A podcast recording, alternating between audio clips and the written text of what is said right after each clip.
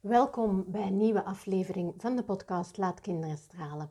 Ik ben Vanessa Lauwers, bezielster van Zonnekind en kind- en jongerencoach. Het is nog altijd mijn missie om niet alleen kinderen en jongeren terug te laten stralen, maar ook om volwassenen meer inzicht te geven in de leefwereld van de kinderen en de jongeren van nu, zodat wij de kinderen en jongeren uiteraard ook beter kunnen begrijpen en kunnen gaan ondersteunen. Deze podcast is er eigenlijk gekomen na mijn post van uh, gisteren op de socials over examenstress en het, uh, de hele zin of onzin van examens. En ik voelde dat ik nog niet alles gezegd had en ik kan het nu eenmaal beter uitleggen dan dat ik het schrijf. Dus ik dacht, ik neem er gewoon iets over op. Want ja, het is weer die periode van het jaar, examens. En um, nu veel meer als vroeger. Um, en misschien heeft dat ook te maken met het feit dat ik zelf ook mama ben. Hè. Ik heb um, een tienerzoon van 15, die dus binnenkort hè, aan die examens gaat beginnen. En ik denk nu misschien nog meer hè, als vroeger dat ik bij heel die manier van evalueren mezelf heel veel vragen stel. Ja? En ik weet het ook als student zelf, um, had ik die vragen eigenlijk ook al. Maar ja, daar had ik niet veel andere keuze dan gewoon doorbijten en elk jaar opnieuw hè, die strijd te geven. Um, te leveren, beter gezegd. En sommige van onze kinderen moeten zelfs twee of drie keren per jaar hè, examenstrijd uh, afleveren. Uh, en eigenlijk met maar één doel om er gewoon door te zijn.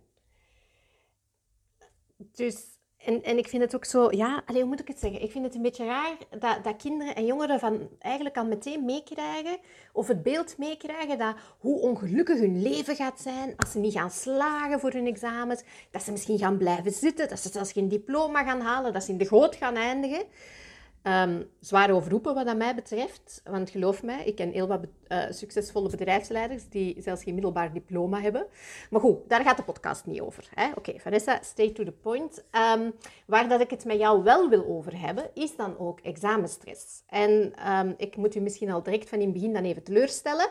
In deze podcast ga ik u geen tips geven over hoe dat je examenstress kunt vermijden. Hè? Dat mogen je even googelen. Google knows all. Hè?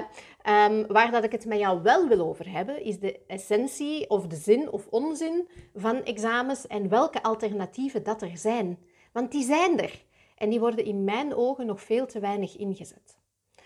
Het is nu eenmaal zo dat examens een integraal onderdeel zijn van ons onderwijssysteem. Ja, we weten allemaal dat die examens of toetsen hè, of toetsenreeksen ook heel veel stress en angst veroorzaken bij kinderen en bij jongeren. En in deze podcast wil ik uh, ook graag even de mogelijke oorzaken van die examenstress bespreken en de link maken met faalangst, uiteraard. Nu, examens. Um, ja, eigenlijk niemand stelt dat nog in vraag, hè? want het hoort gewoon zo. Het is alsof dat we niet anders weten. En ja, ik weet het, verandering is een vies beestje. Um, we houden niet van verandering, omdat we dan ook niet weten wat dat er anders gaat zijn. Wat gaat dat andere dan brengen? Nee, nee, we houden soms heel graag vast aan datgene wat we kennen. Noemen ze dat ook niet de comfortzone? Um, en het is niet anders met examens. Want ja, ja, maar ja, hoe moeten we dan die cognitieve, cognitieve prestaties van onze leerlingen gaan meten? Ja, ik weet niet. Misschien laat ons eens eerlijk zijn. Want dat is ook het enige wat dat een examen is, wat dat mij betreft. Hè? Een cognitieve prestatie. Waar, lieve mensen, lieve luisteraar, ook zelfs hoogbegaafde kinderen kunnen falen. Dus wat zegt het over u? Niks, helemaal niks. En ik zal zelfs nog meer zeggen, een examen is uiteindelijk ook maar een momentopname, maar wel een momentopname die u serieuze parten kan gaan spelen als je faalt. Hè? Want ho, falen, dat mag niet. Hè? Je bent gebuist, shame on you. Um, we zouden Potori fantastisch moeten roepen hè, als kinderen fouten maken. We zouden hen moeten aanmoedigen om fouten te maken. Maar het enige dat we eigenlijk doen, is perfectionisme en faalangst kweken. En ja, ja, je hoort me goed, je hoort het misschien niet graag, maar je hoort het wel heel duidelijk. Het zijn voornamelijk wij, volwassenen, goed bedoeld en soms ook met heel veel liefde, ik weet het, maar die perfectionisme en faalangst bij kinderen en bij jongeren teweeg brengen. Maar goed, even terugspoelen naar die examenstress, hè? want daar kampen heel veel kinderen mee. Stress ontstaat vaak door externe factoren, zoals prestatiedruk, de soms te hoge verwachtingen van anderen die gesteld worden aan de prestaties van het kind. Hè. Ehm, soms ook de eigen verwachtingen van het kind. De concurrentie met andere kinderen. Maar ook uiteraard de impact die de examenresultaten zouden kunnen hebben op de toekomst van het kind. Want dat wordt er ook ineens goed ingepeperd. Hè? En een direct gevolg van examenstress is faalangst. Waarbij leerlingen, kinderen zo bang zijn om te falen dat ze soms zelfs ondermaats gaan presteren. En ja, wij zien natuurlijk, of er wordt alleen maar naar de resultaten gekeken, maar niet zozeer naar de oorzaak of wat dat er eigenlijk allemaal aan vooraf gaat. En faalangst kan verlammend werken. Kan het vermogen van studenten, van leerlingen, om hun ware potentieel te tonen gaan belemmeren. Nogmaals, het is maar een momentopname. En als in die momentopname dat falangsmonster naar boven komt, en geloof mij, er komen heel veel falangsmonsters naar boven tijdens examens en toetsen, ja, dan krijg je een totaal verkeerd beeld van, de werkelijke, of van het werkelijke potentieel dat het kind eigenlijk heeft. En dat kan op zich weer leiden tot perfectionisme, tot vermijdingsgedrag en zelfs zelfvertrouwen dat de kelder ingaat. Ja? Dus het is belangrijk, denk ik, om te erkennen dat examenstress en faalangst dus niet alleen de schoolse prestaties beïnvloeden, maar ook het welzijn en de geestelijke gezondheid van de kinderen. Ik vind het dus heel belangrijk om manieren te vinden om de stress te gaan verminderen en ook om een gezonde studieomgeving voor de kinderen te creëren. Um, ik heb me dan ook voorgenomen om een positief leger aan faalangst warriors te gaan oprichten en die warriors, dat zijn jullie volwassenen, jullie professionals die met kinderen, die met jongeren werken en die bereid zijn om samen met de kinderen en jongeren falangsmonsters een kopje kleiner te gaan maken. Nu, er zijn verschillende strategieën die hè, kinderen kunnen helpen, jongeren ook trouwens, hè, om examenstress en faalangst te overwinnen. Ik ga die nu niet uitgebreid uh, één voor één allemaal overlopen, maar gewoon een aantal heel kort even opsommen. En eigenlijk weten we dat wel, hè? maar er wordt nog te weinig aandacht soms aan besteed. Misschien allereerst hè, is het belangrijk voor kinderen om een goede uh, of om goede studievaardigheden en technieken te hebben. Heel veel kinderen hebben geen, vaar, allez, hebben geen technieken, hebben ja, misschien ook niet... Allez, een, een vaardigheid kun je leren, dus studeren kun je leren. Ook al heb je misschien um, ja, een, een uh, dyslexie of dyscalculie, allez, of hè, dat er een, een, uh, een, moeilijkheid is, maar zelfs dan nog. Hè, studeren, leren is een werkwoord. Hè. Maar je hebt natuurlijk als leerling hè, de uh, technieken nodig om ook te ontdekken wat dat bij jou past. Want nog te vaak um, zie ik ook vanuit studiebegeleiding dat um, kinderen heel vaak niet weten wat hun ideale manier van studeren is. Er wordt heel vaak nog gezegd, ja, ja, maak maar een mindmap. Ja, en voor sommige kinderen is dat een fantastische manier, maar heel veel andere leerlingen hebben totaal niks aan een mindmap. Maar goed, ik ga nu geen uh, studievaardigheidscursus geven in deze podcast, maar neem dat al mee. Maar ook een effectieve planning, time management, Um, het uh, creëren van een studieroutine en u daar ook kunnen aan houden. Hè? Ik weet het, gemakkelijker gezegd dan gedaan. Hè? Maar ook het hebben van realistische verwachtingen. En um, dat wij kinderen ook kunnen helpen door ook het gaan herkennen van hun inspanningen. Eerder dan alleen het resultaat kan ook helpen om bij hun de druk te verminderen. En ja, ik kan alleen maar een warme oproep doen naar jullie um, als uh, onderwijsprofessional, als ouder, um, misschien ook als directie van een school. Hè. Creëer alsjeblieft een ondersteunende omgeving waarin dat de kinderen zich gesteund voelen. En waarbij dat ze ook openlijk over hun angst en over de stress mogen praten. Moedig ook een evenwichtige en gezonde levensstijl aan. Dat, wat bedoel ik daarmee? Voldoende rust, ook slaap maakt daar deel van uit. Voldoende lichaamsbeweging, naar buiten gaan. Niet alleen maar boven die boeken zitten. Letterlijk zuurstof gaan halen buiten. Bewegen, um, ook heel belangrijk. En ontspanning. Maar ontspanning um, niet alleen op schermen. Hè. Er zijn ook andere manieren om te ontspannen. Dus ook altijd heel interessant om dat met jouw kind of tiener te gaan ontdekken. Wat dat die ontspanningsmethoden uh, of relaxatiemanieren kunnen zijn. Omdat die bijdragen tot het verminderen van stress. En als we het stressniveau van de kinderen naar beneden kunnen brengen, of houden, laag kunnen houden, dan um, is de kans ook heel groot dat dat phalanxmonster niet zo hard gaat opkomen. Want die zorgt, die, het, het monster houdt natuurlijk ook van, ja, van stress. Hè? En als de stress is, dan gaat het monster dat natuurlijk ook voeden. Verder is het denk ik ook um, nuttig en nodig dat scholen rekening gaan houden, of leerkrachten dus, hè, rekening gaan houden met de impact van examenstress en faalangst. En proactief maatregelen gaan nemen om de druk ook tijdens het examen hè, um, te gaan verminderen. En één manier om dat te doen, en dat is eentje dat niet van vandaag op morgen gaat zijn, dat weet ik wel. Maar dat is dat we het hele evaluatiesysteem gaan herzien. En dat we meer focus gaan leggen op formatieve beoordelingen, daar vertel ik biedt wel iets over, die uiteindelijk groei en ontwikkeling gaan stimuleren bij de kinderen, in plaats van dat we alsjeblieft alleen maar prestaties gaan meten op een welbepaald afgewogen uh, moment. Ja. Ik vind het ook super belangrijk om te spreken over examenstress, om te spreken over faalangst. En dat we dat met z'n allen kunnen gaan doen. Um, daarmee ook hè, mijn Phalanx Warriors die er, uh, die er gaan komen, of die er al zijn. Er zijn er al een zeventigtal, hè, maar um, als we weten hoeveel duizenden leerkrachten bijvoorbeeld alleen nog maar dat er zijn, dan spreken we nog niet over de ondersteuners en orthopedagogen enzovoorts. Hè.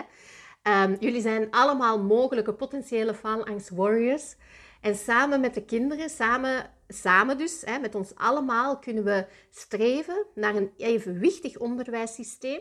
Dat uiteraard ook wel de academische groei van de leerlingen gaat bevorderen, maar in allereerste plaats nog altijd het welzijn van de kinderen.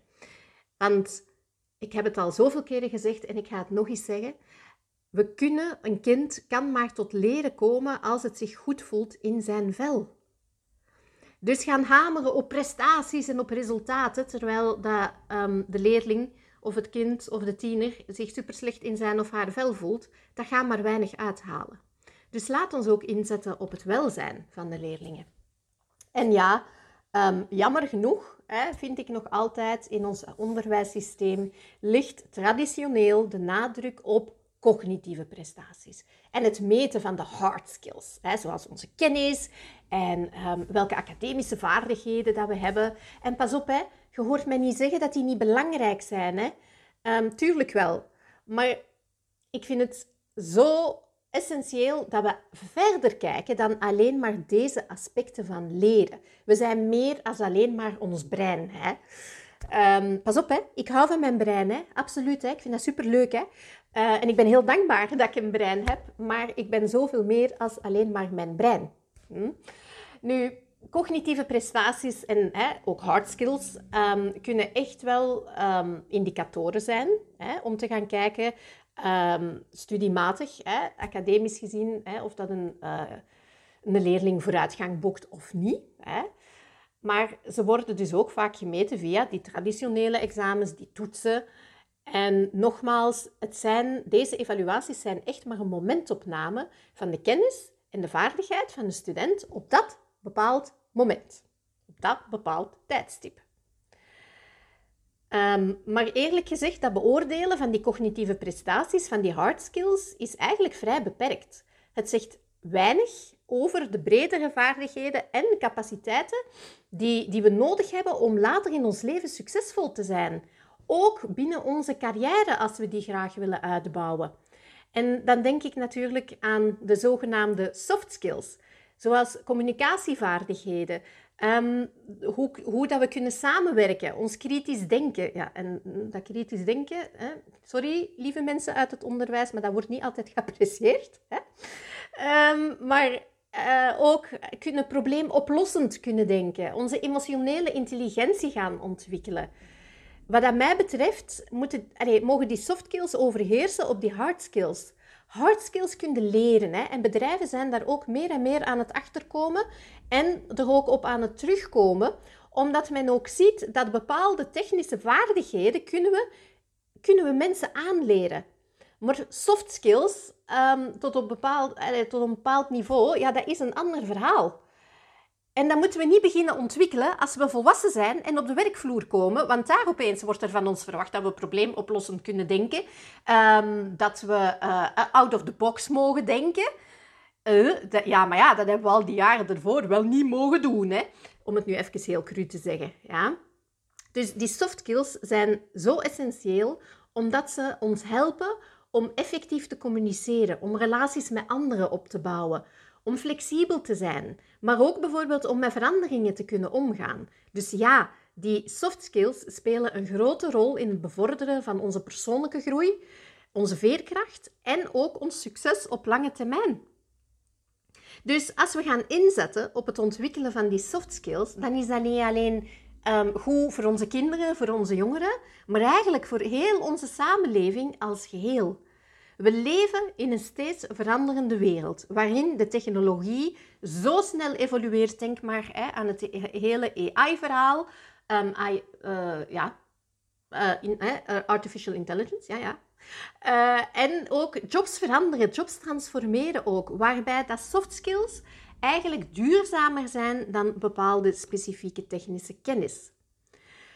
En ja, daarom is het, vind ik, van groot belang om naast allee, in te zetten op die hard skills, veel meer aandacht te gaan besteden aan de ontwikkeling van die soft skills. En ja, dat kunnen we doen. Dat kunnen we doen door um, sociale en emotionele vaardigheden te gaan integreren in het curriculum. Hè? Dat we uh, samenwerking gaan stimuleren. Dat we projectmatig leren gaan stimuleren. En natuurlijk ook dat we zelfreflectie en persoonlijke groei gaan aanmoedigen. Ook bij kinderen, ook bij jongeren. Tuurlijk, zij kunnen dat als de beste. Maar ze hebben wel onze steun daarbij nodig. En ook soms een paar um, trucjes, hè, om het zo te zeggen, of technieken om dit allemaal te kunnen doen. En ja, wat dat mij betreft, lieve luisteraar, zou het onderwijssysteem mogen streven naar een evenwichtige benadering, waarbij zowel de cognitieve prestaties als die soft skills gaan worden gewaardeerd en ook ontwikkeld worden.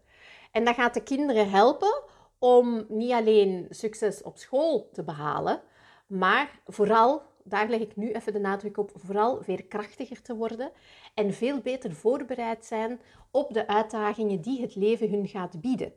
Want het leven is niet alleen maar happy, happy, joy, joy. Hè? Um, er zijn heel veel kinderen die met een uh, rugzak in de klas zitten. Soms een rugzakje dat al supergoed gevuld, ge, gevuld is hè, op jonge leeftijd. Maar dat wil niet zeggen, omdat dat rugzakje gevuld is, dat men niet meer kunnen inzetten op die ontwikkeling van die soft skills. En daar gaan alle kinderen veel meer bij gebaat zijn. Ja. En ik weet dat vele van jullie, dat heb ik gisteren gezien op um, de reacties die op, uh, op mijn post zijn gekomen op de socials, um, dat vele van jullie het met mij eens zijn dat het huidige examensysteem niet meer dient. En toch is er zo'n gigantische angst om ervan af te stappen, want ja, ja, hoe gaan we dan weten of dat de kinderen in het leven gaan slagen? Um, maar oké, als we dan toch academische prestaties willen gaan meten, weet dan dat er alternatieven zijn. Hè? Um, ik heb er eens over nagedacht. Ik heb ook een beetje research gedaan. Um, en misschien kunnen we het volgende stukje van de podcast naar meneer de minister van Onderwijs um, doorsturen. En wie weet, misschien kunnen ze daar dan eens budget voor vrijmaken. Hè? Um, nu, oké, onze traditionele examens die hebben lange tijd gediend als de belangrijkste vorm van evaluatie in het hele systeem. En hoewel ze oké, ons wel enigszins informatie kunnen bieden over de kennis en de vaardigheden van een kind, zijn er dus ook alternatieve aanpakken die kunnen helpen om de druk op de leerlingen en examenstress te gaan verminderen.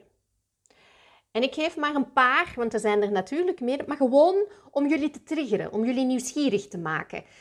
Um, wilde dat ik over één van, van de alternatieven is een aparte podcast opneem, laat het mij weten. Je mag altijd mailen naar vanessa.zonnekind.com. Um, ehm, al jullie input is meer dan welkom. Um, maar ik geef gewoon maar een paar alternatieve benaderingen of manieren om te gaan evalueren, tussen aanhalingstekens, als we dat dan toch willen doen. Hè? En een eerste alternatieve benadering is iets wat ze projectgebaseerd leren noemen. Ja? Dus in de plaats van uh, alleen maar examens, kunnen we ook leerlingen, kunnen we kinderen, kunnen we jongeren gaan betrekken bij uitdagende projecten waarbij ze kennis en vaardigheden gaan toepassen in een realistische context. En dat gaat hun in staat stellen om een diepgaander begrip te ontwikkelen, om creatief te gaan denken, om te gaan samenwerken, om in te zetten op die probleemoplossende vaardigheden. Hoe fantastisch is dat niet? Nu, ik weet dat er al scholen zijn die um, op deze manier werken. Dus jullie feedback is ook altijd uh, super interessant om uh, daarover te krijgen, natuurlijk. Hè. Een ander alternatief is um, het gebruiken van wat dat men een portfolio assessment noemt. Hè.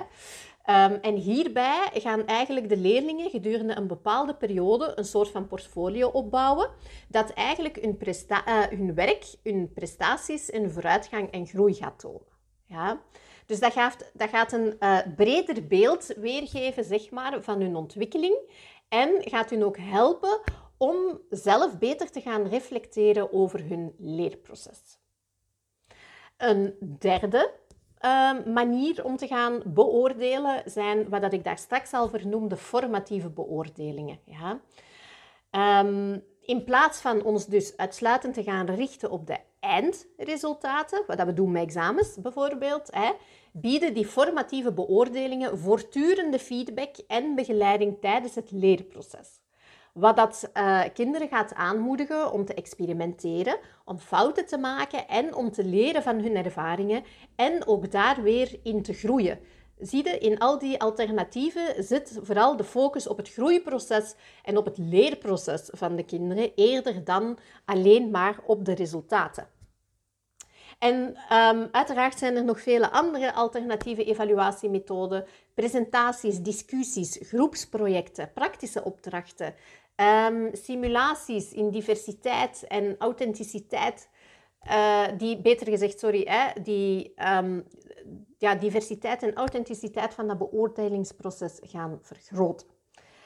En dat kan onze leerlingen gaan stimuleren om hun kennis en hun vaardigheden op verschillende manieren te gaan demonstreren, in plaats van zich alleen maar te gaan beperken tot die momentopname. En ik ben er echt heel zeker van dat als we nu gaan inzetten op die verschillende evaluatiemethoden, dat we die gaan integreren in ons onderwijssysteem, we een meer evenwichtige en inclusieve beoordeling van kinderen gaan kunnen krijgen. Allee ja, als we het dan toch willen meten. Hè? nu, we hebben gesproken over die alternatieve evaluatiemethode. Ja, dan rijst de vraag, heeft cognitieve evaluatie überhaupt dan nog enig belang? En ik weet dat er heel wat discussie kan over ontstaan, ook over de rol en de waarde hè, van die traditionele cognitieve beoordelingen. Um, Oké, goed, ze kunnen absoluut, ik, allez, ik weet het, hè, ze kunnen inzichten bieden. Maar dan is de juiste context en de juiste interpretatie echt wel nodig. En die cognitieve evaluaties, die geven eigenlijk slechts maar slechts een deel van het verhaal. Ja?